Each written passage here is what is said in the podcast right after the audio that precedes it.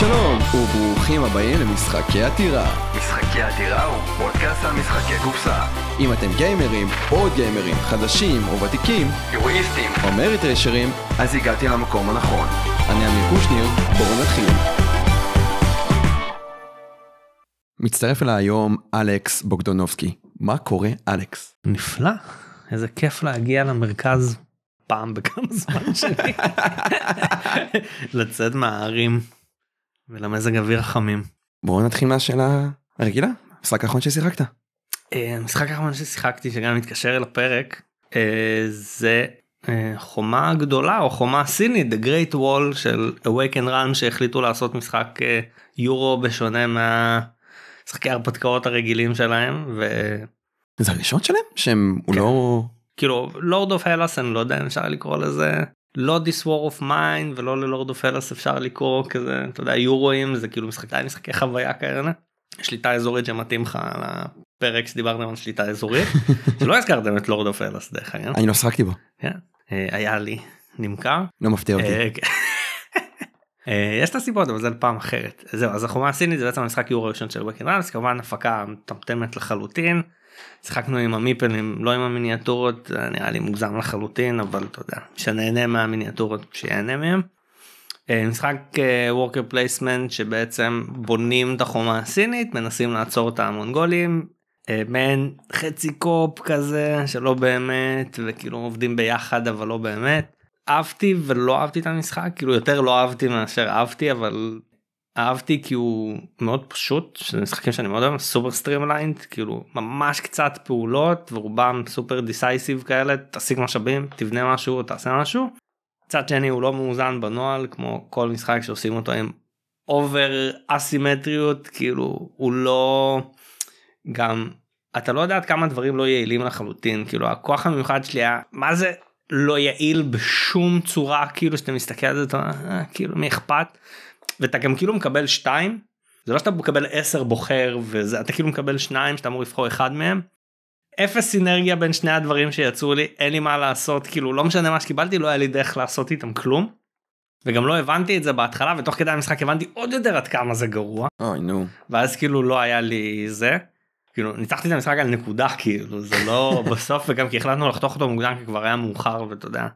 אנשים היו צריכים לזוז. אה, אבל זה, זה כאילו משהו שחרפן אותי וזה כאילו תמיד המצב זה לא שזה זה מרגיש לי כאילו- קצת כמו מחלה של אה, משחקי קיקסטארטר שהם רוצים להיות סופר מגניבים אבל הם fall short אתה יודע רמת ה-QA של כוחות מיוחדים. אני חושב כאילו ברגע שאתה עושה איזה 40 קלפים של כוחות מיוחדים ולא חמש. זה אפשר- אפשר בלתי. אי אפשר לאזן את זה. אז, אז במיוחד שאתה מייצר איזשהו שילוב של הכוח המיוחד שלך ואז האדוויזר שאתה לוקח וכל אחד מהם אמור לתת איזשהו כוח מיוחד. זה כמו שאז נגיד אה, אתה יודע בסייף עשו את הגרמנים עם האינג'יניר ואז זה היה OP ואמרו אסור לשחק את זה ואז אחרי זה זה יצא פשוט כי אמרו שזה מגוחך. כאילו זה מקרה אחד מתוך עשר זה משהו ש... פה כאילו יכולים ליפול מקרים די אתה יודע כאלה שבמקרה יצא לך אחד כזה אחד כזה וכאילו אתה הולך אתה יודע פימפם את המשחק. ודבר שני גם הרגיש לי שיש שם קלפים זה גם ממש עצבן אותי שכאילו ה trade-off שלהם הוא לא אותו דבר אתה יודע נגיד יש לך trade-off עם אותה קלף עם אותה מטרה אבל שחקן אחד יכול קלף אחד שנותן 8 נקודות וקלף אחד שנותן חמישה משאבים ובשניהם אתה צריך לבזבז שני משאבים. אז אני מבזבז שני משאבים כדי לקבל חמישה מבזבז שני משאבים כדי לקבל 8 נקודות. אז פה קיבלתי שלושה משאבים פה קיבלתי 8 נקודות. לא שאתה מסיים את המשחק הזה עם 200 אז כאילו גם אם אתה מסיים עם 100 נקודות קיבלתי כמעט 10% מהנקודות שלך מקלף אחד. די כאילו אתה יודע אני, אני פחות אוהב את הדברים האלה כי, כי זה החוסר המחשבה הקלאסי של באמת כמה דברים שווים כי אתה אומר חמישה משאבים איזה מגניב וזה אתה לא חושב על זה שאתה צריך להוציא שני משאבים ועוד יש לזה איזשהו תנאי שהוא כל כך קונקרטי במיוחד שאת חמישה משאבים האלה אין שום דרך לתרגם לשמונה נקודות. אתה יכול במינימום לתרגם אותם לחמש זאת אומרת גם חמישה משאבים לא שווים שמונה נקודות. אז עדיף לקבל את הקלף של שמונה כן. נקודות מהקלף של החמישה משאבים. אז that's it אבל זה כאילו הדברים שלא אהבתי מצד שני אני ממש אוהב משחקים streamline שזה שזה כאילו בקטע הזה הוא ממש נחמד כאילו כבר לא נוטים לעשות יותר מיני משחקים כל כך פשוטים בהתנהלות שלהם. side note לפני תחילת הפרק אלכס אמר שהוא לא רוצה לבאס על המשחק כן. חשוב גם להגיד הרבה מבקרים מאוד אוהבים אותו. try before you buy זה נראה לי כן. התשובה הקלאסית למצב הזה. המשחק האחרון שאני שחקתי זה דומיניון. אין לי יותר מדי מה להגיד עליו כאילו אני דיברתי עליו גם יחסית. הרבה ובפרק של שבוע הבא של טופ deck builders אני די בטוח אדבר עליו. אני כל הזמן מתאפק לא לקנות אותו. יאללה big box 1 2 3 של 17 מיליון הרחבות ואחלה משחק. כאילו אני גם יכול להגיד שבגלל שמשחק יחסית הרבה באפליקציה שלו. אז אה, אתה לא מרגיש את הצורך ל- לעותק. לא הבסיס שלו הוא אני כבר יודע פחות או יותר את האסטרטגיות אז אתה יודע זה כזה נורא מולטיפלר סוליטר כזה כן. כאילו אם אתה לא משחק עם קלף תוקף אבל גם אז הקלף זה לא התוקף, משנה. אני כן, מרגיש כל כאילו, כך אוי לקחתי מינוס אחד נקודה וזה זיהם לי את הדק אחלה. לא יודע זרקתי לך ז- לא יודע זה לא מרגיש לי. אבל, אבל זה המשחקים האלה שהיום כאילו אתה חייב לשחק אותם עם כל ה... אתה יודע כמו שיש במשחקי מחשב שאתה לוקח משחק מחשב עם כל ה-DLCים שלו ואז אתה מסתכל עליו רק כשאתה משחק אותו עם כל ה-DLCים כמו שאנחנו אוהבים לשחק וורהמר כאילו ואתה משחק עם ההרחבות ואז. אתה אומר איזה באסה לשחק במשחק הזה כאילו בלי ההרחבות כן כי כן. זה מרגיש לך כזה שומם וקטן יש לך רק זה ופתאום. כשאתה חושב עליו אבל זה לקח איזה עשור להכניס את כל ההרחבות האלה כאילו היום אנחנו מסתכלים על זה ככה אתה יודע ממרומי השנים קדימה אבל פעם נראה לי שהוא עדיין מוציא לזה מגניב. אפילו הרחבות. אין לי שמץ אני לא יודע מכרתי את העותק שלי של דומיניון מזמן אבל מאוד עצוב. זה דווקא מאוד משחק אלכסי. שיחקנו בו מלא כאילו באלפיים אני מנסה לחשוב באלפיים אני לא זוכר מתי זה היה. הם משחקים בו מלא מלא כאילו ממש בהתחלה. טוב אז אלכס עשה לנו קצת אה, ספוילר מהמשחק הראשון שלו של אה, הנושא של הפרק הנושא של הפרק הוא טופ משחקי worker placement הוקלט כזה פרק גם עם איתי רוזנבאום אני אשים אותו ב show notes. הפרק הזה פשוט הגיע כחלק מיעדי ההמשך של אה, קמפיין האדסטארט שלנו. עוד side note קטן לפני שאנחנו ממשיכים הפרק הזה זה פרק אחד לפני הפרק שאנחנו יוצאים לפגרה הפרק הבא זה הפרק שאנחנו נצא בו לפגרה אנחנו חוזרים אולי אפילו נפתח איזה אינסטגרם כדי לייצר איזושהי המשכיות קשר משהו חמוד כזה אנחנו עדיין צריכים אה, להבין את זה בתוך אה, עצמנו. צריכים לעשות טיק טוק. טיק זה טוק. המחשבה. כן. למשחקי קופסה. לגמרי אנחנו נעבוד על טיק טוק למשחקי קופסה נעשה משהו מגניב. יאללה טוב זה- נבחן- ספויל- ספוילר על העתיד שאולי לא יקרה אבל אנחנו נ- we'll try to make it happen. נבחן את הנושא. כן. טוב אז אה, לפני שאנחנו באמת dive in לטופ worker placement שלנו מה מה זה worker placement. אז השמת עובדים שהיא זה פועל יוצא של action selection שזה די המכניקה שמובילה את כל משחקי הלוח שזה תבחר פעולה תעשה את מה שהיא אומרת. אה, שהשמת עובדים אמר פשוט במקום לא יודע קלף או משהו כזה תשים יש פעולות על הלוח שים עובד שמסמן שאתה לקחת את הפעולה הזאת. אה, ולרוב אתה חוסם אנחנו נדבר גם על כל מיני משחקים אחרים שזה לא קורה אבל רוב האינטראקציה במשחק קורית על זה שאתה חוסם בעצם פעולות לשחקנים אחרים בזה שאתה שם עובד. אה, וזה עכשיו עובד לא חייב להיות עובד מיפל עובד גם יש משחקים שעושים את זה עם קובייה אה, יש משחקים שעושים את זה עם קלף אנחנו ננסה מניח שבטופ שלנו יש כאלה וכאלה אז שהם נקראים dice placement ואני לא יודע card placement כן. לא נראה לי שקיים כזה דבר עולה לי לראש רק משחק אחד שעושה את זה. אבל אה, בגדול הרעיון זה שיש לך פעולה שאתה עושה אותה על ידי עובד רוב המשחקים האלה יש לך כמה עובדים ולא עובד אחד אה, וצריך משהו להתקיים אנחנו כשנדבר על המשחקים אני גם אתן כמה משחקים שכביכול מתבקשים שיהיו לי אבל אני לא רואה אותם כ worker placement בגלל זה אני לא שם אותם פה. דרך אגב איתי כן שם בפרק שלו. אה, אז אני חולק עליו בקטע הזה אז אני לא שם אותם פה אה, אבל זה בדרך כלל מה שקורה. ואני לא יודע מתי זה התחיל די מזמן. לא יודע, אולי בס נראה לי ה worker placement הראשון ב-96 אולי לא יודע אבל כאילו זה מכניקה שקיימת כבר איפשהו שם מסוף שנות ה-90 או משהו כזה. אה, והיא היא- זה הסטנדרט שלה ויש משחקים שמנסים לחדש אני מאוד אוהב שהם מחדשים על המכניקה הזאת אני אישית לא מת על worker placement כי לרוב המשחקים איתו לא לא כל כך לטעמי לדעתי הם די פשטניים. אבל יש משחקים שמנסים לחדש על השטיק ואני דווקא כאלה אני הרבה יותר אוהב שכאילו עושים משהו יותר מגניב עם ה worker placement. אז ה worker placement הראשון אם אני לא טועה וזה גם המשחק הראשון שלי למעשה זה קיילוס אני לא באמת זוכר מתי הוא יצא אבל אה, יכול להיות. אני יכול, חושב שהוא- יכול להיות או שהוא הוא ממש מהראשונים זה לא באמת משנה כאילו כן. זה ממש מהראשונים שם וקיילוס אני אפילו קצת בקונפליקט כי קיילוס החדש ה-1303 הוא לקח את קיילוס ועשה אותו מאוד מאוד streamlined ויש כאילו שהם מבקרים את זה ואומרים שהוא יותר מדי streamlined והכניס לו כל מיני כוחות מיוחדים וכל מיני דברים מגניבים והוא הרבה פחות מרושע מאשר קיילוס הרגיל. אני בדעה ששניהם יכולים להיות על המדף. מה שגם קיילוס החדש עושה בשונה מקיילוס הרגיל זה שהוא הרבה יותר מהיר. קיילוס הרגיל יכול להיגרר לשעתיים שלוש וקיילוס החדש משחק של שעה שעה וחצי בארבעה שחקנים. אתה יודע- מה מפתיע אותי שדווקא קיילוס החדש הרבה יותר מתאים שייצא פעם וקיילוס הישן הרבה יותר מתאים שייצא היום. למה? כי פעם לא היה הרבה משחקים רשעים. נכון. כאילו שאתה עושה כאלה כאילו משחק שאתה יכול להוריד לשחקן פעולה זה אולי פעולות. הדבר, פעול, כן תכלס ברבים זה נכון זה, לא, זה הדבר הכי נבזי שאפשר לעשות.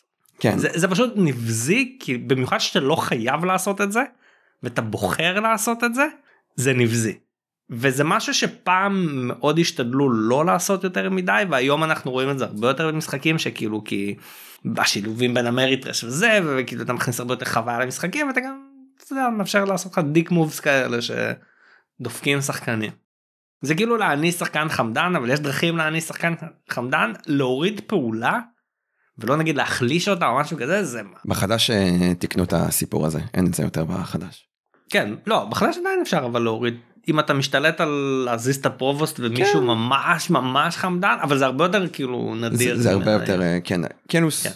אנחנו משחקים עם ארכיטקטים שקר כלשהו אתה יודע כל מה אנחנו בונים מספרים. את הטירה בצרפת. כן אנחנו בונים את הטירה של אה, כן, קיילוס שזאת עיר שאמורה להגן מהאנגלים אם אני חושב אם אני זוכר נכון. ותוך כדי גם נבנה את העיר ואנחנו בונים את הטירה ומה שמגניב במשחק שאנחנו יכולים לעשות אה, נקודות מכל כך הרבה דברים טרקרים מלבנות אה, בתים וכמו שאלכס אוהב להגיד השטיק של המשחק זה שיש את הפרובוסט שזה אפשר להגיד אה, לא יודע ארכיטקט לא יודע איך לתרגם את זה לעברית אפילו. שמפקח הוא המפקח. הוא המפקח. כן בעצם. סבבה. ואנחנו לצורך העניין משחדים אותו שאנחנו גורמים לו ללכת קדימה או אחורה ולפי המקום שנמצא מופעלים המ- המבנים אז זה בדיוק מה שאלכס ציין אני עכשיו יכול להיות חמדן ולשים על בניין שהוא יחסית רחוק מהפרובוסט את אחד העובדים שלי ואז בהמשך אני אשלם ויזיז את הפרובוסט. אבל באותה מידה אלכס או אחד השחקנים האחרים יכול להזיז אותו אחורה. אני חייב להגיד שיחסית ליורו יבש חסר תמה זה אחד המשחקים שיוצרים הכי הרבה table talk שנתקלתי בהם. כאילו כאילו האינטראקציה מגיעה שם מזה שאתה מפחד שאנשים יעשו עליך דיק מוב. לא גם לפעמים יש כזה משא ומתן אני אשים מטבע אתה תשים מטבע ואז נדפוק כן. את קושניר. כי זה החוק בית. כן. וכאילוס החדש הוא מה שכן הוא נראה הרבה יותר טוב. לא, הרבה יותר טוב, זה לא קשה. זה- כאילו יש לו ארט שהוא ממש כזה יורו של עכשיו כזה קצת יותר נעים יותר רך כזה. אתה יודע, נראה לי זה יכול להיות אותו- אותו אומן שעשה את אה, Ruins of Arnak. אין לי מושג. סגנון האומנותי ממש מזכיר לי. לא, אני חושב. שלא אבל אה, גם עוד עוד אה, משהו שקיילוס החדש אה, מאופיין בו זה שהוא מתוחם בסיבובים קיילוס הישן אתה לא יודע כן. יש לך איזה טריגר של סוף משחק כן. אבל אתה לא יודע מתי הוא יקרה בקיילוס החדש לדעתי משחקים שמונה או תשעה סיבובים אני צריך לשחק בו עוד פעם. אה, cool אז אני חוץ ממקום ראשון שהוא מקום ראשון אצלי אין באמת סדר בין המשחקים האחרים מקום ראשון אצלי הוא גם המשחק הכי לא מיוחד בתור כי זה worker placement הכי פשוט שיש אתה פשוט שם עובד ועושה את הפעולה.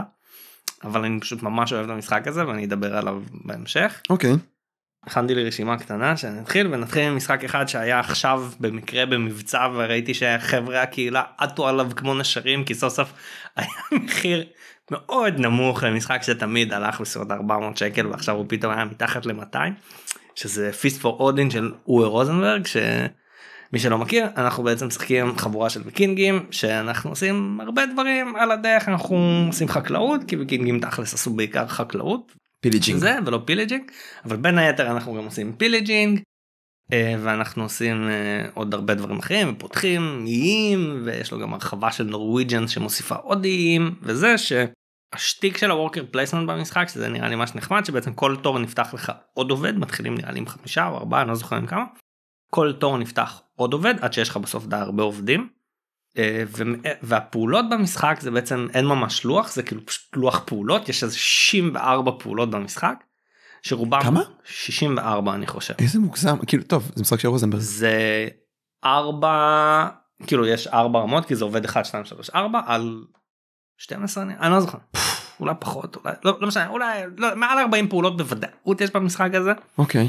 אני זוכר שזה היה בזמנו המשחק עם הכי הרבה פעולות שיש במשחק יש היום משחק עם יותר פעולות? מניח מה, אני לא- למה? לא יודע אוקיי. אבל אנחנו לא נגיד כל פעולה שונה לא בוא לא נתפרע לפעולות פשוט יש עוצמות שונות שעושות כל מיני דברים אה, שמה שמגניב במשחק הזה זה בעצם זה מתחלק לארבעה טורים ויש טור לעובד אחד טור לשני עובדים טור לשלושה עובדים טור לארבעה עובדים זאת אומרת יש פעולה שדורשת ממך לשים עליה ארבעה עובדים. במקביל היית יכול לעשות ארבע פעולות של עובד אחד ואתה צריך לעשות את ה trade-off אם שווה לך לשים ככה או ככה או זה. אה, המשחק עד לארבעה שחקנים לא הייתי משחק אותו ביותר משלושה ולרוב אנחנו גם משחקים אותו בשניים. נראה לי שב-BGG הוא best in 2 באמת. כן אני חושב שזה פשוט המספר הכי מוצלח שלו. אה, יש שם גם קצת גלגולי קוביות כזה שהולכים לצוד אבל הוא מאוד friendly כאילו הוא לא באמת רע. הדבר השני שמגניב בו זה יש לו את האלמנט של הפאזלים שצריך להרכיב כי אתה משיג אה, את ה pillaging של המנזרים ואת המטבעות וזה ואתה כאילו צריך למלא את הלוח שלך בכל מה שאתה משיג. ואתה בעצם מתחיל את המשחק באיזה מינוס כמות גדולה של נקודות. ואתה צריך למלא את כל הלוח שלך בכל מה שאתה משיג כדי לא להיות במינוס. זאת אומרת אם אתה רוצה להתחיל את המשחק כאילו באפס נקודות אתה צריך למלא את כל הלוח שלך. גדול. ויש חוקיות מסוימת לאיך ששמים זאת אומרת אתה שם משמאלה ימינה מלמעלה למטה ויש לך גם טרק אלכסוני כזה שזה האינקאם שלך בעצם. וזה מה שקורה במשחק וזה ממש מגניב הקטע הזה כי אין כי כל צורה היא שונה ואתה צריך לחשוב איך אתה עכשיו עושה צורות בלי חורים ביניהם אז אתה זה, עשית חור עושים מטבע כי צריך למלא את החור אחרת אתה לא יכול להמשיך להתקדם למעלה וזה קיצר ממש מגניב.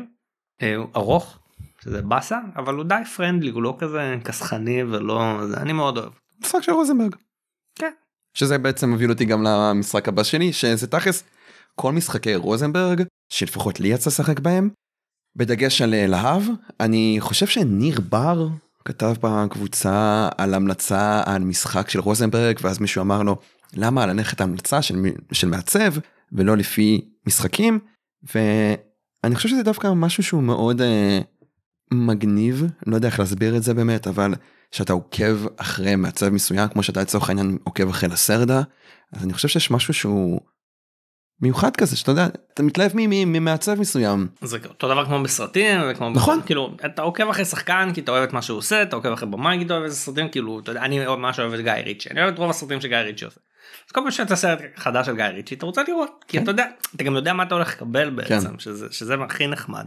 לא יודע למה זה הזכיר לי את זה אבל האחיין שלי שהוא אוהד קבוצות כדורגל לפי איפה שרונלדו נמצא הוא רואה את הגבול. אז יש לו חולצה של ריאל מדריד יש לו חולצה של יובה ועכשיו יש לו חולצה של מנצ'סטר על הפנים. באמת כאילו רוזנברג הוא ידוע אתם יכולים גם לשמוע את הפרק של ארז שהוא דיבר באריכות על, אה, על המשחקים שלו ואלכס גם נראה לי הסביר מאוד טוב את פיס פורדין שאני באמת צריך לשחק. לא? אה, לא. אני גם חושב שהקטע של אה, רוזנברג שהוא כביכול עושה משחקים שהם מתאימים לחמישה שישה שחקנים אבל בפועל המשחקים שלו טובים בשתיים שלושה שחקנים. ערך. לא נראה לי שיש משחק אחד שלו שהייתי מוכן לשחק ביותר משלושה. לא ולרוב בשניים. אגריקולה וקוורנה אתה לא היית משחק בארבעה? לא. אגריגולה בטוח שלו. קוורנה לא יודע אולי. שחקתי קוורנה פעם אחת כאילו אגריגולה זה היה ה-go to. דרך אגב עוד משהו על פיסט פור אודין פיסט פור אודין זה המגנום אופוס של מגנום אופוס. זה כאילו זה היצירה כי אם שיחקתם פיסט פור אודין אתה יכול לראות איך כל משחק אחר שלו מגיע מתוך פיסט פור אודין. יש הכל כל המשחקים האחרים זה, הוא גם אומר את זה זה המשחק שלו שהוא עבד עליו הכי הרבה זמן. כל המשחקים האחרים שלו זה בעצם מיני גיים של לקוחים מתוך פיסט פור אודין והפכו למשחקים.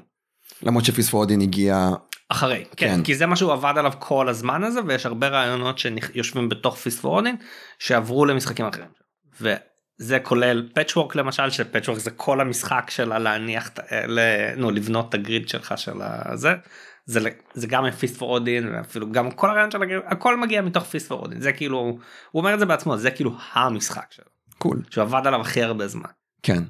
הוא עושה גם את כמו כמו בלהב שיש לך שתי כאילו פעולה אחת בתוכה שאתה יכול או לקחת משאבים או לקחת אה, לא.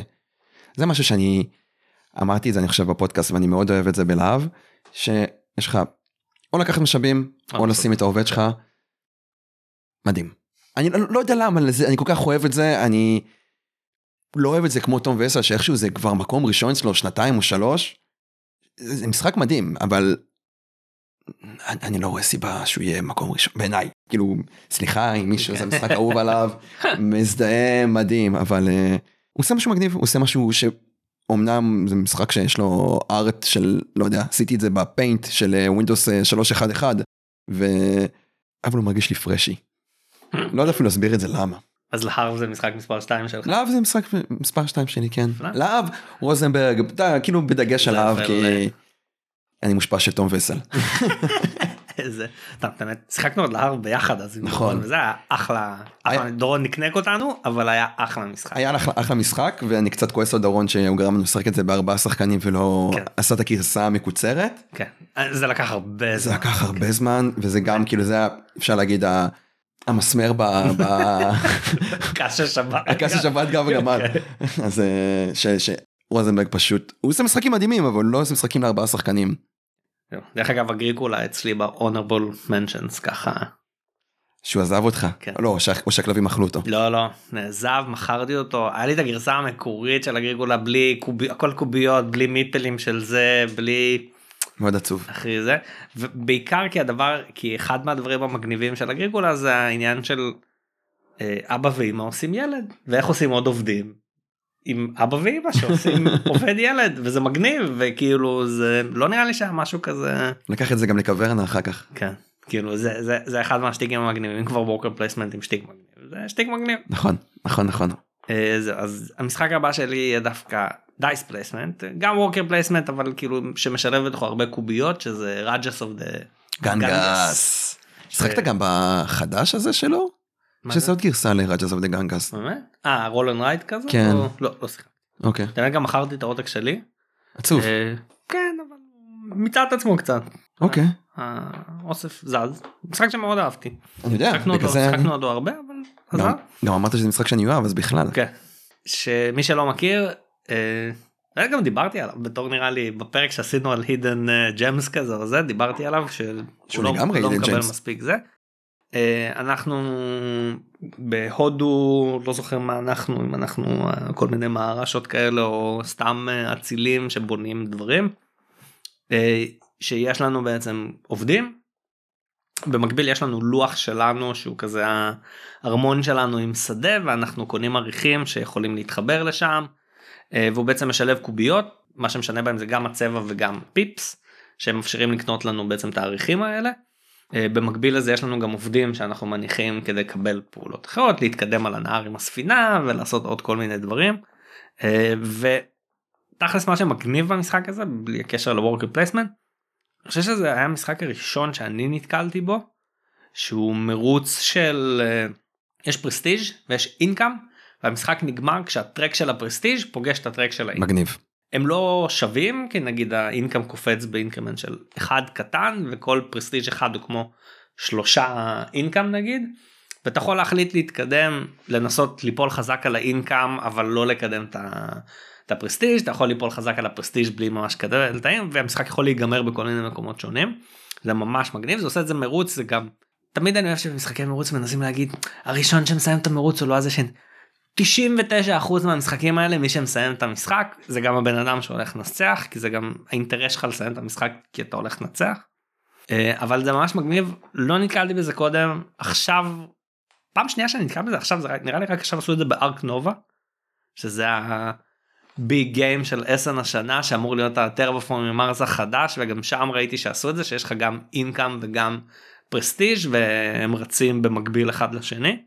אבל זה שטיק ממש מגניב. כך שה worker placement במשחק הזה זה לא מה שמיוחד מה שמיוחד זה זה זה. זה מה שעושה את המשחק הזה מגניב. הקוביות שהן בצבעים שונים אתה כאילו משיג עוד קוביות איך זה איך זה בעצם כן? יש לך כל מיני דרכים להשיג קודם כל יש שם את ה stand קוביות הכי מגניב שראיתי יש שם שיווה שעומדת עם שמונה ידיים ואתה שם קובייה על כל יד בעצם איזה קול. שזה מגניב ברמות. אה, ויש לך בעצם ארבעה צבעים יש קוביות סגולות ירוקות צהובות ונראה לי כחולות או לא זוכר וזה ואתה בעצם משיג קוביות ויש לך דרכים הם גם סוג של לשלם על דברים נגיד וכאלה. זה כאילו עובדים חזקים יותר זה עובדים ספציפיים לא, מה זה, מה זה הקוביות? כמו משכורת יותר כאילו זה לא משכורת זה כמו currency כאילו נגיד אתה רוצה לקנות עריכים נגיד צריכים להיות שווי מסוים ואתה צריך לשלם בקוביות אה. כאילו כדי להשיג עריח. אז זה. צבע פלוס פיפסים כן. או משהו כן, חישוב בדיוק כזה. זה צבע פלוס פיפסים. כי. נגיד יש אה, ארבעה יש את האריך של הדרקון והטיגריס וזה וכל אחד מהם זה בעצם צבע שונה ואז אתה זה דורש לפחות שמונה. אז אתה יכול לעשות 6 ו2 או כל דבר שמעבר כאילו כדי לשלם את זה כדי להשיג את האריח הזה בעצם. נשמע ממש מגניב. כן. אני חושב שגם בפרק שדיברנו על זה תום אה, תום חיסל אותו. אה? הוא נתן- הוא נתן לו- לו seal of approval אבל אה, קצת בגישה שלי כשתום נותן למשהו פחות מ seal of excellence הוא לא יקבל מספיק אהבה למרות שיש גם משחקים שהם קיבלו seal of excellence וקיבלו אהבה. ומשחק שלא דיברו עליו מספיק כאילו זה נראה לי הייתה הבעיה שלו. שאתה ממש- פרסידה לא דיברו עליו? ממש ברוח התקופה של הרבה מהמשחקים אז ולדעתי זה גם אחד מהמשחקים היותר מוצלחים שיצאו לפני איזה 6-6 שנים משהו כזה. אבל לא דיברו עליו מספיק וכנראה שזה למה הוא לא כזה היה איי איי איי. מעניין. טוב אני אשאר איתך ב dice placement אני follow-up אחריך אני מרגיש שאתה יודע כמו משחק של הסרט של פעולה אחרת. זה לא פה איזה משחק עושה פעולה כמו פורטו ריקו. זה לא לא ההגדרה הנכונה הייתה. אה, אז אה, תרועה שמישהו כתב בקבוצה שזה משחק שהוא overrated? אני לא חושב שזה אתה יודע אנחנו חווים כזה טרפת של משחקים אז אה, גם לא יודע משחקים שהם בטופ 10 הם איכשהו נעלמים ופחות מדברים עליהם ותרועה לא יודע הוא נוגע לי בדיוק בנקודות הנכונות הוא מצד אחד יש בו איזה סוג של אלמנט שאתה צריך לבנות את הכלכלה שלך שאתה מה זה לבנות את הכלכלה? שיהיה לך מספיק משאבים בשביל שתוכל לעשות עוד דברים ומה שמגניב בעיניי יותר מזה שהעובדים שלך הם לא באמת שלך אני יכול לקנות ממך את העובדים.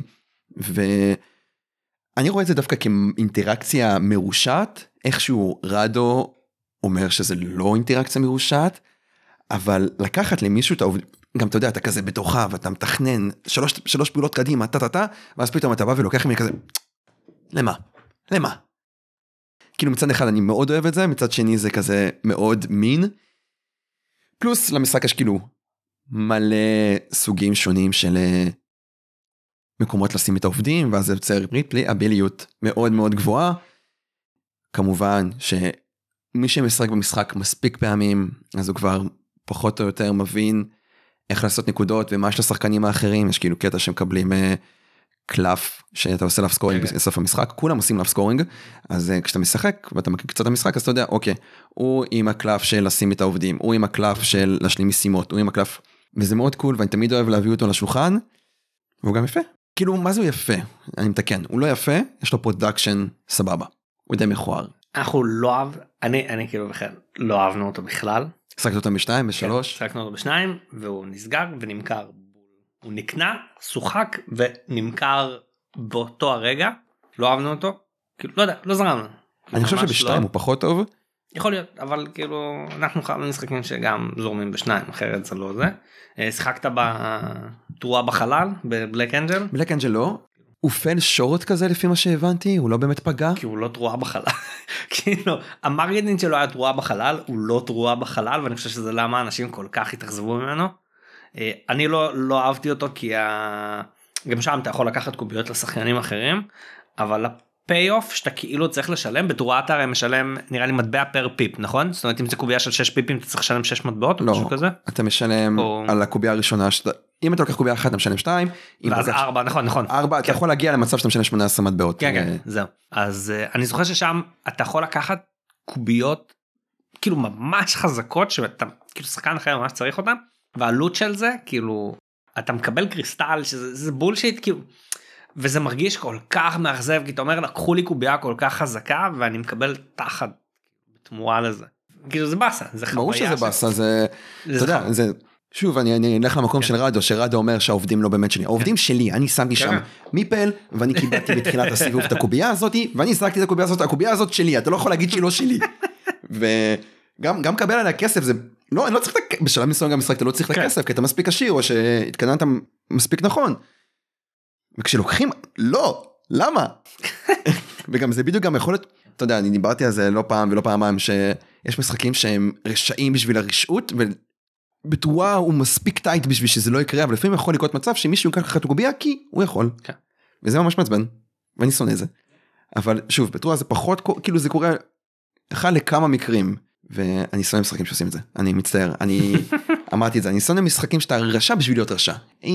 אני אדפוק אותך כדי להתקדם סבבה או כ- כדי למנוע ממך להתקדם אבל לדפוק אותך כדי לדפוק אותך זה לא קול בעיניי. כאילו זה באסה. זה באסה. זה- זה- כאילו כל משחק שיש בו דיק מוב זה באסה. כן. בגדול. כן. שמשחקים שמשאירים לך טעם רע, זה משחקים שפחות בא לי לשחק בהם. כאילו, אתה יודע, יש משחקים כאלה שאתה מסיים ואתה כזה, וואי אחי, אתה פשוט פירקת לי את הצורה, למה? כאילו, ו... כאילו, אתה יודע, יש משחקים כאלה שאתה מסיים ואתה כזה, וואי אחי, אתה פשוט פירקת לי את הצורה. זה, זה, זה, מרוב שהמשחק משאיר אתה כזה, לא בא לי לשחק איתך יותר. אני צריך מנוחה ממך לאיזה חודש. אה, אז נלך לדבר הבא אה, בוא נשאר עוד בוורקר פלייסמנטים שקצת יותר אה, סטנדרטים וניתן גם קצת ביקורת וורקר פלייסמנטים כי צריך משחק של הסרדה כי אני פה אז אני נותן משחק של הסרדה. אני הסתכלתי ב-BGG כמעט כל משחק של לסרדה הוא worker placement אני לא מסוגל להבין את זה כולל CO2 רשמו worker placement איך CO2 worker placement? אני לא יודע כי אתה כאילו בוחר פעולה עם. אבל יש לך תלוי לשחקן שלך, וכאילו, כן, אין- אבל זה לא משנה זה action selection קלאסי שזה זה בדיוק כאילו. מה? אני אני לא מסתכל אני הסתכלתי אתה יודע אמרתי בכוונה הסתכלתי כל משחק של לסרדה הם שמו שם כאילו ב worker placement. אני מתחרפן מזה כי לסרדה עושה action selection קלאסי. הוא פשוט שם כאילו עובד כדי להזכיר לך מה הפעולה שבחרת זה הכל. אז כביכול היה מתבקש לשים את ה Gallerist אני לא חושב שה Gallerist זה worker placement ה Gallerist עוד פעם זה action selection הסיבה היחידה שאתה שם שם זה כדי להראות מה הפעולה שבחרת לשחקנים אחרים. That's אין ערך לזה שאתה שם את זה שם אתה לא תופס את המקום הזה אתה לא זה זה כאילו הדרך שלך לקבל executive actions זה לא מעניין זה לא worker למה? placement. אם אתה שם אני... אתה לא- יכול אתה מעיף? אותי פשוט אבל בטח אתה אתה אתה לא יכול ללכת לשם עוד פעם. ואני לא יכול ללכת לשם עוד פעם אוקיי. אלא אם כן אתה תוריד תוריד אותי לחלוטין משם אבל זה לא משנה כאילו זה, בגלל זה אני אומר זה לא זה לא באמת worker placement זה זה כנ"ל כמו בסייף שאתה שם את הדוד שלך על הפעולה שאתה הולך לעשות. Scythe נחשב worker placement? לא לא? בגלל זה אני אומר, אותו רעיון? it's the אוקיי. מה- אה, אה, טוב. בגלל זה אני לא רואה את זה. אה, Vinhos זה לא worker placement כי יש לך דוד שפשוט זז לפעולות לא חוסם לא עושה כלום הוא סתם זה בא להראות את הפעולה. זה גם לא באמת מגביל אותך כאילו כאילו כן אבל לא באמת זה לא משנה. בגלל זה אני גם לא רואה את זה כ worker placement זה action selection עם שטיק מגניב. אם כבר זה הרבה יותר rondel מאשר אה, למה אתה. לא יכול לחזור אחורה? אתה יכול לחזור לאיפה שבא לך אתה לא יכול לעמוד במקום כאילו אתה יכול לזוז לא לאיפה שאתה. רוצה. כן. בסדר לא יודע rondel שאתה משלם אקסטרה כדי לעשות סיבוב זה לא באמת אני לא רואה את זה גם כ worker placement יש שיחלקו עליי. Kanban יחסית worker placement יחסית כי אתה בעצם שם פועל שחוסם פעולה. worker placement של פועל אחד אני אני מוכן לתת את זה. כאילו. אני עוד זה אבל אני לא מדבר על Kanban אני מדבר דווקא על משחק אחד שיש proper worker placement שזה On Mars. On Mars יש worker placement On Mars אנחנו בעצם בונים קולוניה על מאדים אנחנו לא מאריצים את מאדים אנחנו בדיוק בריבועון קטנצ'יק קטנצ'יק בתוך מאדים שהמטרה שלנו זה להפוך אותו למיושב בעצם שנוכל להתקיים בו בלי לקבל אספקה מהתחנת חלל. המשחק בעצם מתנהל בשני מישורים אחד בתחנת חלל עם סט של פעולות שייחודיות לתחנת חלל ואחד על האדמה בעצם סט פעולות שייחודיות לאדמה.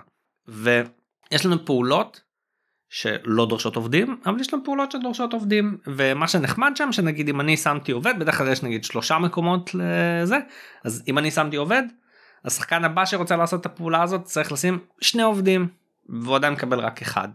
ואז השחקן הבא יכול להעיף את כולנו אבל הוא צריך לשים שלושה עובדים כדי לשים עובד וכאילו ככה זה ממש חמוד. אה, ובעצם אתה צריך לשלם עובדים כדי להיכנס לא כל הפעולות יש פעולות שדורשות עובד יש פעולות שלא דורשות עובד זה מאוד כזה אה, משתנה יש פעולות שדורשות ממך לשלוח את העובדים לעבוד יש כאילו את ה-working area על ה player board שלך שאתה כאילו ככה שולח עובדים לשם כאילו שיעבדו כדי לחזק את הפעולה הראשית שאתה עושה עם עובד. אה, זהו שהבחירה שלך בעצם יש לך את העובד master שלך שאתה בוחר איתו אם אתה נע עם התחנת חלל בעצם אם אתה בתחנת חלל או תופס טיל שיורד עכשיו למטה ואז אתה בעצם יכול לעשות רק את הפעולות שבצד ימין של הלוח שזה על האדמה רק את הפעולות שבצד שמאל של הלוח שהם רק בתחנת חלל ומעבר לזה הפעולות עצמם דורשות את האסטרונאוטים שלך שזה הפועלים שלך. אני חייב להגיד שהקטע הזה שאתה מקפץ בין החלל לתחנה זה ממש ממש מגניב.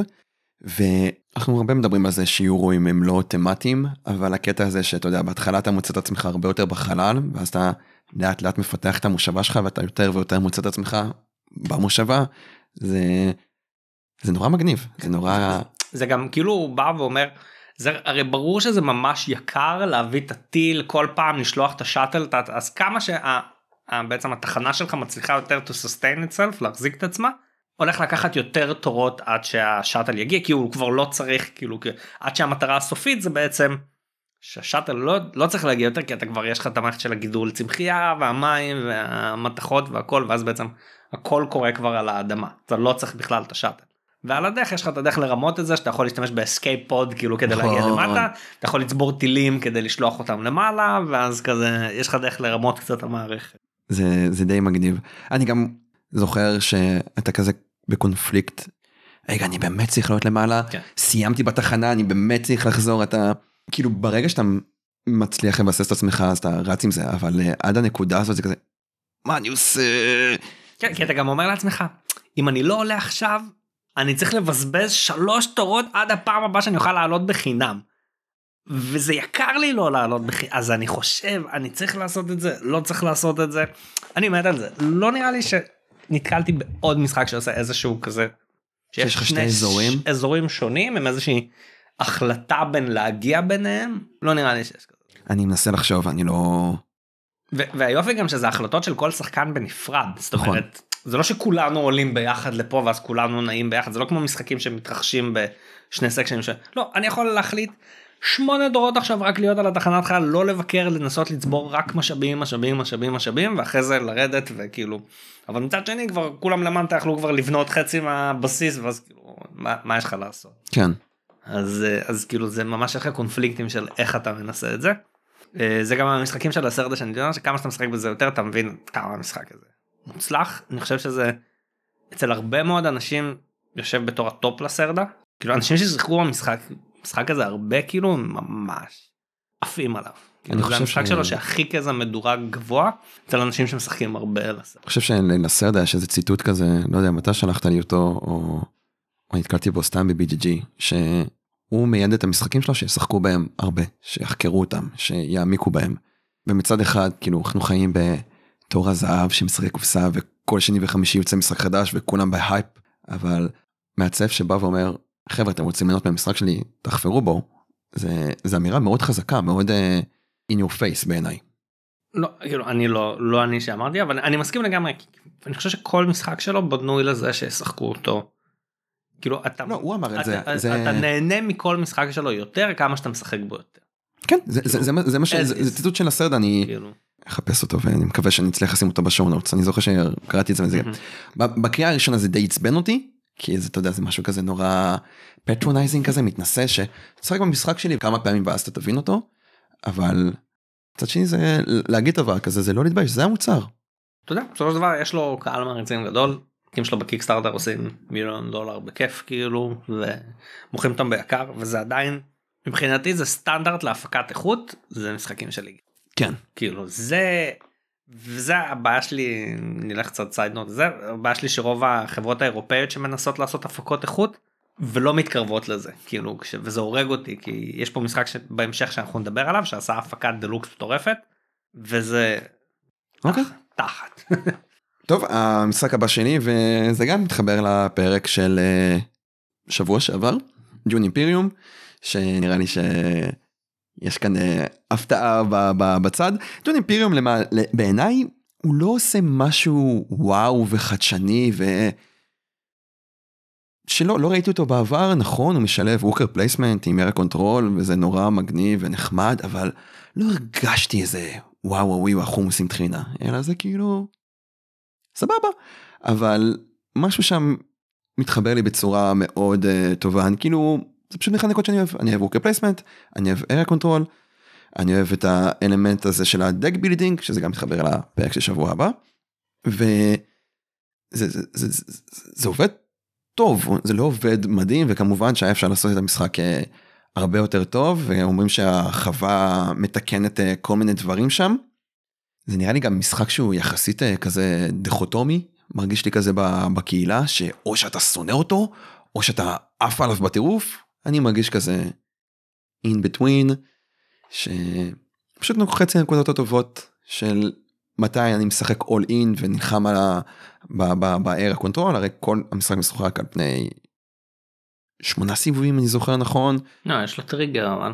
נכון, יש לו טריגר. כן. המשחק משחק על פני שמונה סיבובים, או, או שהשמונה סיבובים האלה נגמרים, או שאתה מגיע לעשר נקודות. ו... והקטע בסיבובים האלה שזה כאילו מרגיש לי כמו כמו בספר שאתה מתחיל חלש ואז אתה מתחזק והאירועים יותר קריטיים בהתחלה אתה מקבל רק משאבים ואתה מנצח בקרב ואז ממשיך אתה מקבל נקודות ואתה עולה ב tracker ים וכביכול אתה בונה יחסים עם כל ה... פקשן זו שונה. כן, אם אתה יודע, בנות הגשרית, כן. בני ג'זריק. שמעתי על זה סיפור מעניין שלתרגם את הספר היה מאוד מאוד קשה כי אתה יודע הרי זה מילים מערבית כן. עכשיו אתה כותב בעברית בני ג'זריק אז אתה כאילו שורט את הקורא אז אתה פשוט כן. כתבו בנות הגשרית או קפיצת הדרך. כן קפיצת הדרך כן אז אה, זה, זה, זה, זה סיפור מאוד מעניין אה, בעיניי. שיחקתי? אני להגיד, שיחקתי? לא נהניתי אבל לא מהסיבה כאילו ה- הגיימפליי שלו סבבה. לא נהניתי כי אחד במקרה ש... במשחק ששיחקנו קרה מקרה קצה שפשוט אם הוא קורה אין לך דרך לשבור אותו כאילו זה היה ברור שהבן אדם הזה הולך לנצח אין שום ספק כאילו. כי קרה מקרה שפשוט זה ברור לי שזה לא אמור לקרות והסיבה שזה קורה זה כי איך עובד שם המכניקה של השוק קלפים שזה פשוט מעודד את זה שזה יקרה וכאילו אני מבין שזה תאורטית לא אמור לצאת כי עוד פעם יש שישה קלפים לא זוכר כמה אני קניתי קלף ואז נפתח קלף חדש ואז זה יהיה התור קנייה של השחקן הבא והעניין הוא שלי יכול לא להיות לקנות כלום ואז אין לך מה לעשות עם זה חוץ מלקנות קלפים כאילו אתה חייב את הקלפים האלה. וקניתי קלף ואני יכול להיות בסוף המשחק ולקבל קלפים תחת ואז במקרה נפתח לבן אדם הבא הקלף הכי מטורף בעולם וזה בדיוק מה שקרה במשחק שלנו איזה דוד שעשה אלייז עם הפרמן וקיבל כמה קלפים שנותנים לפרמן כוחות מלחמה כאילו אי אפשר היה לנצח אותו היה לזה 25 קרב כאילו כל אי אפשר היה לנצח אותו אז היה לנצח כל מלחמה היה יכול להכניס חייל אחד ותמיד נצח כי הוא מייצר שם מלא הוא פשוט ככה כאילו ניצח את המשחק ואי אפשר לא היה שום דבר לעשות נגד זה וזה ברור לי שזה מקרה קצה שלא אמור לקרות. אבל ברגע שזה קורה לך במשחק זה מבאס וגם כאילו אני, אני חשבתי על הרבה רעיונות כאילו תעשה שוק של שמונה קלפים וזה מה יש. כאילו אל, אל תעשה את הפליפ של להשאיר למקריות של השחקן שפתאום ייפול לו הקלף הכי טוב במשחק. כי הקלפים לא מאוזנים הרי יש קלפים יותר חלשים ויש קלפים יותר חזקים. עכשיו אם יש לך ריבר כזה של קלפים שחלקם טובים וחלקם פחות ואתה משאיר כי כאילו יש לך קצת כסף אז לפחות שתוכל לקנות קלף זול צברת הרבה כסף לקנות קלף יקר אבל אם כל הקלפים זולים שאתה עם שמונה כסף ויוצאים קלפים תחת ופתאום כאילו לשחקן הבא נפתחים קלפים מטורפים כאילו ובמקרה יש לו בול 6 כסף ובמקרה הקלף הזה עולה 6 כסף וזה מה שגרם לנו לנצח את המשחק כאילו זה עושה את המבאס. אז אותי זה בייס. כאילו, אני- זוכר שבסיבוב הראשון שלחתי לך הודעה אלכס המשחק הזה לא בשבילך. ואז אתה אמרת לא דווקא בא לי לנסות אותו ואז אני זוכר ששלחתי הודעה לא לא לא היה לי כיף. ובנוהל הכוחות מיוחדים שם לא מאוזנים. אה, אני תמיד כשיש משחקים עם כוחות מיוחדים אני מקבל את הכוח המיוחד הכי useless שקיים שיש לו כל כך מקרה פרטני שאם משתמשים בו יכול להיות מאוד חזק אבל קודם כל זה ברור לי לחלוטין שהדברים האלה בנויים לאנשים שכבר שיחקו את המשחק כי, כי, אז אתה מבין זאת אומרת בתור שחקן ראשון זה useless לחלוטין. וגם כשאני מסתכל על ה... אני כאילו אני תמיד בראש שלי כאילו אני תמיד עושה את החישוב של מה ה trade-off ים או כאילו מה שווה מה. אם אני מחליף משאב וזה יכול להיות לי שווה שתי נקודות וכאילו ואם יש לי איזשהו כוח מיוחד שהמקסימום נקודות שהוא יכול לתת לי זה נגיד חמש נקודות. ואני צריך לשבור את הראש רק כדי לקבל את החמש נקודות האלה בזמן שאנשים אחרים כל תור יכולים לעשות נקודה שתיים מהכוח המאוד פשוט שלהם. כוח שלי לא לא טוב כאילו זה סימן שזה לא מאוזן כי להם הרבה יותר קל לעשות משהו. אני חושב מילי. ש... ש... וגם ב overall אני לא יכול להגיע ל cap נקודות שלהם זאת אומרת אם הכוח המיוחד שלהם מאפשר לתת להם 8 נקודות ולי 5 זה אומר שהכוח המיוחד שלהם יותר טוב משלי. כן. as is. אני חושב שדווקא הרחבה כביכול כן מתקנת את זה כי היא מוסיפה עוד בתים כן ואז אתה יכול לבחור. אבל אני לא יודע מה, מה הכוחות שם כן. ויכול להיות שגם הכוחות שם אתה יודע אתה יכול לקבל שתי קלפים שהם יוסלס למעשה. כאילו אתה יודע ניסו מאוד לעשות תמטי שיהיה לך את הזה שהוא עושה עם זה אבל גם תמה צריך לאזן וכאילו כן. אם אתה לא מאזן תמה אז אתה כאילו, באסה. no go. כן.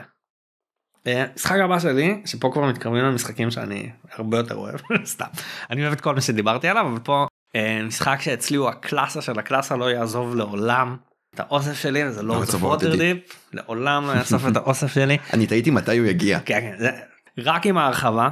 אני אומר את זה מראש ואני כאילו מדבר עליו רק עם ההרחבה אני לא מדבר עליו בלי הרחבה כי זה כאילו הכי גנרי בעולם.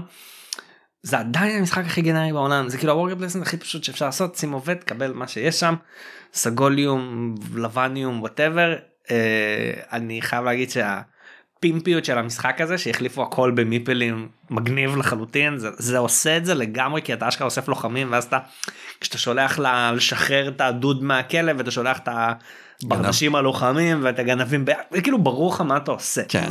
עכשיו זה באסה שהם לא יוציאו אף פעם את המשחק הזה עם כאילו עם כל הפימפיות אתה צריך להשיג את זה. איזה חברה רוסית עושה את זה? לא Wizards of the Coast. לא, את הפימפיות. אה, את הפימפיות, כן, יכול להיות שזה אחד מהאלה שעושים את ה... אתה יודע, את הכל מעץ של הרוסים וזה. אה, אז אני אומר, זה כאילו הכי קלאסי, הכי קלאסי שיש, משחק זה לא, זה יצא ב-2005, משהו כזה נראה כן. לי, כאילו די, כאילו, יש לו איזה 15 שנה בכיף כבר, כאילו. מת על המשחק הזה, הוא פשוט, יש שם כאילו dick moves, אבל זה dick moves כאלה לא נוראים. כן, אתה גם פשוט, אה, אתה מקבל כאילו חוזה נותן- חרא אתה ואתה... כאילו מישהו נותן לך quest אה, quest מעפן כאילו שזה הקטע אה, אבל זה טוב ההרחבה בעצם מוסיפה עוד שני אזורים ללוח שאחד מהם מכניס את האלמנט של הגולגלות שאני ממש. אוהב אותו שזה corruption שזה בעצם מאפשר לכם כאילו כל גולגולת שווה מינוס נקודות אבל כמה שיש יותר גולגלות בחוץ זה שווה מינוס יותר גדול ויש דרך כאילו לשחק עם זה כולל שיש לורד שבעצם מקבל? נקודות על corruption שאתה וכאילו מצד אחד זה obvious אבל מצד שני הפעולות של ה corruption כל כך יותר חזקות שאתה אומר לפעמים fuck it כאילו זה מינוס 4 נקודות אבל אני יכול לעשות עכשיו quest של 20 אז למי אכפת מהמינוס 4 האלה. אני גם חושב שזה כאילו- עובד תמטית. אתה יודע, כן, אנחנו כאלה כאילו- מושלים בעיר Waterdeep כן, כן, ואנחנו עושים עושים כן, כן. תככים ושטויות אז כן אני- מת על זה אה, ההרחבה השנייה קצת פחות כי, כי זה מוסיפה יותר אה, היא- עושה הרבה יותר אינטראקציות היא כאילו מכניסה יותר את ה intrigue שעושים הרבה יותר אינטראקציות בין שחקנים אה, לגנוב לדפוק כל אה. הדברים האלה. כן כן אה, וזה אז אז הוא אצלי זה אני, אני גם נותן ביחס אליו ישר עוד משחק כי הם יושבים לחלוטין על אותה משבצת שהוא תמיד היה נחשב Lords of Waterdeep לגיימרים שזה Yedo. אה. Board and Dice עשו לו הפקה הפקת דלוקס לא מזמן וזה גם מה שהתלוננתי כי הם עשו הפקת דלוקס וכאילו הם מנסים לעשות ממש הפקת דלוקס ההפקה זה הוא לא מרשים כאילו. מה הוא זה מגיע דייס- בקופסה ענקית אבל. כן הוא מגיע בקופסה ענקית לא פרקטית לחלוטין מלא פלטות של הדבקה על הקופסה עצמה אוי, שזה מבאס נכון, את הם התחת. הוציאו קיק תיקון וביקשו ו- כסף מהתומכים בהקיק הראשון. משנה, קיצר היה שם זה אה, מעבר לזה שכאילו גם הפלייר בוס במקום לעשות את דיור לארד עשו בתוכם חורים כאילו דברים שלא הגיוניים כשאתה עושה הפקת דלוקס מטורפת עוד פעם תסתכלו מה Eagle Gryphon עושים קחו עוד 10 דולר כולם היו משלמים לכם תביאו את זה לרמה כאילו הזאת או חלקית אפילו לרמה הזאת. אה, אבל אה, Yedo פשוט זכה להפקה הוא היה מלא פעמים out of print הוא היה גם של יטרי נראה לי במקור והוא worker placement שהשטיק שלו זה שאחד מה כביכול המודולים שלו זה שיש לך עובדים שונים ואתה צריך עובדים שונים כדי לעשות דברים שונים. אז ברגיל יש לך את העובדים הרגילים שלך ואז יש לך גם נינג'ה וגיישה וסמוראי וכל מיני כאלה ואז אתה שולח אותם לעשות דברים כי יש משימה שרק הנינג'ה יכול לעשות כי אם ברור. אתה עושה משימת assassination צריך את הנינג'ה שתעשה assassination ואם אתה צריך משימה אה, שאתה צריכה של כבוד ואת זה אז אתה שולח את הסמוראי לעשות את ברור. זה. זה סופר מגניב כי אתה יכול להשיג בעצם עוד עובדים כאלה ואז אתה שולח בעצם לעשות את זה. אה, בנוסף לזה יש שם שטיק הלוח בעצם מחולק לאזורים ויש שם כמו provost כזה שם זה השוטר. והשוטר הולך וחוסם אזורים אז באזור שהשוטר נמצא בו הוא חוסם את כל האזור זאת אומרת אם היה לך worker באזור הזה לא יקרה לך פעולה הוא כאילו עצר לך את העובד. אה, וגם שם יש מודול שעושה לך dick move של תזיז את השוטר אחרי שכולם כבר בחרו את הפעולות שלהם אז אפשר לדפוק ולהוריד פעולות אני לא אוהב לשחק איתו אבל זה קיים. זה מודל שהוא לא must. לא. זה כאילו זה כמו mini expansion כזה. הם כל המודולים יש שישה מודולים לדעתי במשחק אתה יכול לעשות mix and match של לא של כולם תמיד חייבים להיות שניים אתה בוחר איזה שניים אתה רוצה חייבים להיות שתיים שני מודולים מתוך השישה הקיימים. אבל אני יכול לשחק עם כל השישה. לא מה המקסימום שאני יכול לשחק? שלושה לדעתי. הבנתי. זה פשוט הופך להיות יותר מדי קלפים אז אתה לא מנצל את המודול כי כל מודול דורש סט קלפים שמתאים אליו נגיד שמתאים לעובדים המיוחדים אז יש לך מודול של העובדים המיוחדים ואז אתה צריך לשחק עם הסט קלפים שמתאים לעובדים המיוחדים. ויש לך אם אתה משחק עם השוטר אז אתה צריך את הסט קלפים שמתאים כי זה, זה כמו קלפי intrigue ב Lords of Waterdeep אז כאילו אתה צריך קלפים שמאפשרים לך לעשות את כל ה dick move של השוטר. כי אם אתה מס- בלי זה לא ואם אתה בונה על זה שעכשיו יצא לך קלף אחד כזה כי שיחקת את כל השש מודולים וכל אחד כזה 30 קלפים אז כאילו זה לא באמת עובד. מהמם. אה, זה אז זה כאילו תמיד היה נחשב כמו ה Lord Waterdeep לגיימרים. הוא יושב לחלוטין על אותה משבצת. Lord Waterdeep לא עוזב אצלי אני עדיין מעדיף לשחק את Lord Waterdeep על פני Yedo. למרות שעדיין יש לי את Yedo אני עוד בהתלבטות קשה אם למכור אותו או לא. וואו. כן. אה, אלכסנדר דלוקס וכל הטררם וכל הזה. אה, כי הוא עדיין מגניב אני מת על יפנים כאילו יפן הפיאודלית זה תמה אהובה עליי. במשחקים כאילו בשבילי ואני מת ו fucking meeple של נינג'ה זה מגניב ברמות אבל ההפקה של זה כל כך אכזבה אותי שזה איזה באסה. ממש ביאס לי. טוב המשחק האחרון שלי זה אני חושב שמי שמכיר אותי לא יופתע מזה זה underwater cities. underwater cities כמו שציינת בתחילת הפרק אנשים משום מה השוו אותו ל Terraforming Mars אני חושב שאולי הדבר היחידי שאפשר להשוות אותו ל Terraforming Mars זה ה- קלפים. לא יודע יש הרבה קלפים. אורך משחק ושהוא קיבל הרחבה שמקצרת את המשחק שאני חייב להגיד שקניתי הרחבה ב-40 דולר ותכלס אני משתמש רק במודל של אתה יודע to kickstart the game וה player board. ה dual layer player board שהם לא כזה מעפנים כמו המעפן ה- ה- הלוח חצי נייר קרטון הזה שהיה. כן אבל זה מוסיף עוד אסימטריה ועוד פה כן. ועוד שם וגם ת- תחשוב שפתאום יש לך 16 לוחות שונים אתה יודע 8 ושהם דו צדדיים. שהמשחק גם אומר לך אם אתה משחק עם 1 עד 4 תשחק עם 1 עד 4 אם אתה משחק 5 עד 8 כאילו אל, אל, אל תערבב כי זה פשוט טוב. לא מאוזן. רגע אבל תסביר את השטיק של כן המשחק. כן אז לפני אה, ה- קפצנו קפצנו כן. קדימה כן כן. אה, מה שמגניב ב-underwater cities כביכול זה עדיין אנחנו לא יכולים ליישב את מאדים כדור הארץ overpopulated אז אנחנו מיישבים את הים ומה שמיוחד זה שאנחנו עם שלושה ארבעה קלפים שלושה קלפים ביד שהם מיוצגים בצבעים שונים וכל פעם כשאנחנו משחקים בתורנו אנחנו צריכים לשחק את אחד הקלפים וגם המקומות אה, של הווקרים שלנו הם בצבעים האלה. ואם אתה משחק קלף באותו צבע של המקום אתה מקבל את הפעולה גם של המקום וגם של הקלף. אתה תמיד חייב לשחק קלף. כן. אם את עכשיו גם המקומות הם אותו דבר יש מקומות ש...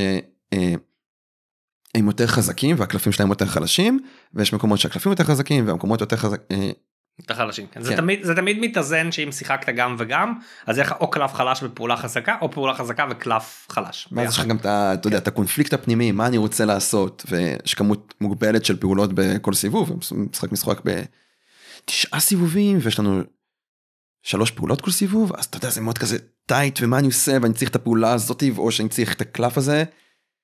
ויש בו גם אתה יודע אלמנט של בניית מנוע שכולנו מאוד כן. אוהבים את ה-sense of progression שדיברנו עליו גם כן. בפרק שלנו. ה issue העיקרי שלי איתו זה הדיסקיות האלה שמייצגים את המפעלים. אה, את המפעל- את הקלפי ואת ה... וואי. זה כזה גרוע זה כאילו כזה cheap זה מרגיש אתה, אתה מחזיק את זה וזה מרגיש cheap וזה על הלוח שלך וזה מרגיש cheap. כן ההפקה שלה זה ממש לא. אבל אני חושב שזה מה שממש התחיל להתניע את המשחקים של ולדימיר סוצ'י בשנים האחרונות שכולם כזה ממש נהנים מהמשחקים שלו. זה הוצאה שלו. היה underwater cities. כן זה של אה, Tasty Cup- אה. כן, לא Tasty Minstrel Cupcake Dice או משהו כזה אוקיי. לא זוכר איך בדיוק קוראים נכון. לזה שזה נראה כמו קאפקייק כזה זה. לא שזה התחיל עם underwater cities ואז עבר ל Praga. נכון. שאנשים ממש נהנים ועכשיו יצא Messina Messina 1300 1300, שגם זה מקבל ביקורות ממש מוצלחות. מתי נשים על זה יד? וכולם כאילו פראגה עם הפקה טובה אבל מסינה עם הפקה תחת כאילו אני- אנשים ממש מתעניינים שהמשחק הזה פידלי כאילו. זה חשוב אם העובד שלך עומד או שוכב? וכאילו נתת מכה ללוח ואין לך מושג מה קורה. אוי זה כזה כאילו עד לרמה. כזאת אבל זה ממש התחיל לו את הזה. אני גם מאוד אוהב את אנדרוטר סיטי. כאילו היה לי גם מכרתי אה, אני מאוד נהנה ממנו. אה, מה שהוא הוא כאילו הקטע הזה של הקלף חזק פעולה זה מגניב. זה זה. זה, זה פשוט זה, זה דרך מאוד מוצלחת זה. והוא גם אני לא אגיד שהוא כאילו גם נכנס לטרנד של המשחקים שיש ממש מעט production במשחק. נכון של- שלוש פעמים. שלוש פעמים כל המשחק. אתה בונה את כל המערכת שלך כדי לעשות פעם אחת ו- ורוב הפעמים האלה זה רק כדי להחזיק את עצמך באוויר נכון. אפילו לא מנצל כאילו שזה מתאים ואני ממש אוהב את זה כאילו אני כאילו משחקים שזה ממש צריך לחשוב לכיוון ה production כי יש ממש קצת כאלה זה שטיק ממש מגניב. כן. זהו אז נעבור למספר אחד קודם כל זריז אני אתן honorable mentions מילה אחת אחד אגריקולה שכבר דיברנו על זה שהרעיון המגניב שם שעובדים עושים babies. שתיים Brew Crafters. אנחנו היפסטרים שעושים micro brewers. אה, זה worker placement גם בנאלי אבל זה משחק ממש כיפי כאילו אתה מייצר שם בירות ואתה עושה את המבשלה ויש לך דרכים של איך להתקדם ויש לך בעצם מלא סוגים של בירות. אה, נראה לי קצת קשה להשיג אותו היום אבל הוא אחלה משחק. אה, ודבר אחרון דיברנו על משחק כאן זה ארג'נט דה קונצרטיום שמה שהוא עשה בעצם זה כל העובדים שלך הם שונים זה בעצם קוסמים בית ספר לקסמים וזה אני אישית לא מת על המשחק כי אני לא אוהב את הסקורינג שלו אבל תשתיק עצמו של המשחק כן. שהעובדים עובד אדום זה עובד התקפי אז אתה יכול לעשות איתו כאילו הוא תוקף עובדים אחרים ועובד כחול זה עובד מגננה אז הוא כאילו מגן על הספוט שלך ועובד אה, סגול מייצר רוח של עצמו שנותן לך דאבל כאילו כל עובד הוא עושה משהו אחר ויש לך דרך להשיג כי זה כאילו הם תלמידים בבית ספר ויש לך מגמות אז זה מגמה התקפית של אש זה מגמה של הגנה וזה מגניב.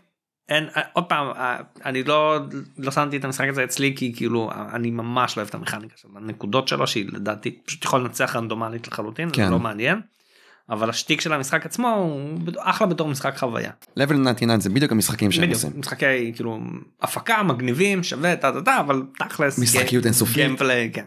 חוסר איזון. אה, ומשחק מקום ראשון שלי שאתה לא שיחקת אותו אצלי. אה, אבל הרבה אחרים כן ואני חשפתי אותו להרבה אנשים שזה קרייסיס. נכון The New Economy. שזה גם מופיע ב-Hidden Gem שלך. אני חושב שזה אחד, מעבר לזה שזה אחד מהמשחקי ה worker placement הכי טובים שיש לדעתי זה באופן כללי אצלי ב top 10. מת על המשחק הזה. אני זוכר מאז הפעם הראשונה שהבאתי את ארז לשחק אותו אצלי הוא גם מת על המשחק הזה שיחקנו אותו הוא גם בא מלא כדי לשחק אותו אצלנו. כולם נהנים מהמשחק לא פגשתי בן אדם אחד שלא נהנה מ Crisis. אה, אני הייתי קורא לזה פעם אה, יוון המשבר הכלכלי פשוט המשחק לוח. בגדול יש מדינה שהיא מתפחלצת אנחנו משחקים משקיעים חיצוניים שבאים להשקיע בתוך המדינה. אבל מצד שני אנחנו גם רוצים קצת להכניס לעצמנו כסף. ישראלים שקונים נדל"ן אה, ביוון.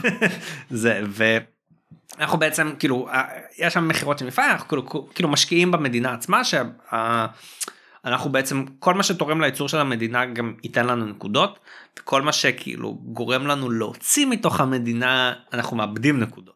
אז כאילו המטרה שלנו זה ליישם ליישב את הכלכלה. יש לזה איזה כאילו סמי קופ לא באמת המטרה שלנו היא בעצם כל תור להגיע לאיזשהו כמות של נקודות. שזה גם המדד קושי כאילו אפשר לשחק על רמה קשה על רמה קלה וזה משתנה.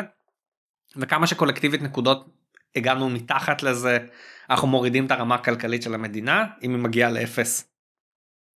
המדינה מתה כאילו מתה היא חוותה היפר אינפלציה משבר כלכלי הכל אין לאנשים כסף לקנות אוכל. אנחנו מניאקים כי ניסינו להרוויח על חשבונם ואם אנחנו מחזיקים אותה in the green אז כאילו אנחנו מצליחים לשקם את המדינה. בדיוק. אה, ובמקביל לזה הבעיה שהרבה פעמים זה כסף בכיס מול לעזור למדינה כי אנחנו בכל מקרה אז כאילו אני יכול למכור משאבים בכפול כסף כאילו אבל לשוק השחור. אז אני לא תורם לכלכלה של המדינה אבל אני הכנסתי קצת יותר ג'ובות לכיס. Uh, השטיק הכי מגניב של המשחק הזה בעצם יש מלא מפעלים יצרניים אנחנו משחקים את זה כמו פס ייצור כזה של יש לי מפעל שאני שולח אליו חקלאים שהם מייצרים לי לחם ואז אני משתמש בלחם הזה ושולח מהנדסים כדי לייצר לי חשמל ואז עם החשמל הזה אני יכול להריץ את הבית מלון שלי שמייצר לי כסף מדהים. וכאילו זה ויש לך אתה כזה תמיד יכול לשחק עם העובדים שלך יש לך ארבעה סוגי עובדים חקלאי מהנדס בנקאי ושכחתי כבר ופועל רגיל כזה וורקר ואז אתה כאילו כל מפעל דורש דברים שונים. אנחנו בעצם עושים כאילו קונים מפעלים שהמדינה שמה אותם לאוקשן אנחנו פשוט קונים אותם. אה, ואז אנחנו מריצים את השרשראות האלה כדי להריץ ובעצם מנסים לשקם את הכלכלה. ארט במשחק הזה חמוד אחלה הפקה. כאילו יש אה, זה פרוסת לחם וכאילו כל המשאבים נראים כמו שהמשאבים צריכים להיראות. אה, מאוד כיפי אני באמת מאוד אוהב את המשחק הזה אחד המשחקים האהובים עלינו בבית. אפשר להשיג אותו בריטייל? אני זוכר שזה הקיק. יופ, רק בקיק. אז אי אפשר להשיג אותו. אבל הם עושים כל כמה שנים קיק מחדש. אתה בטוח? כן כי אחרי הקיק שאני קניתי אני קניתי בקיק השני של המשחק הזה שהם עשו קיק עם הרחבה והיה עוד קיק אחרי זה. זאת אומרת היה. גם קיק שנתיים או שלוש אחרי שאני קניתי היה עוד קיק שהיה לדעתי לפני שנתיים.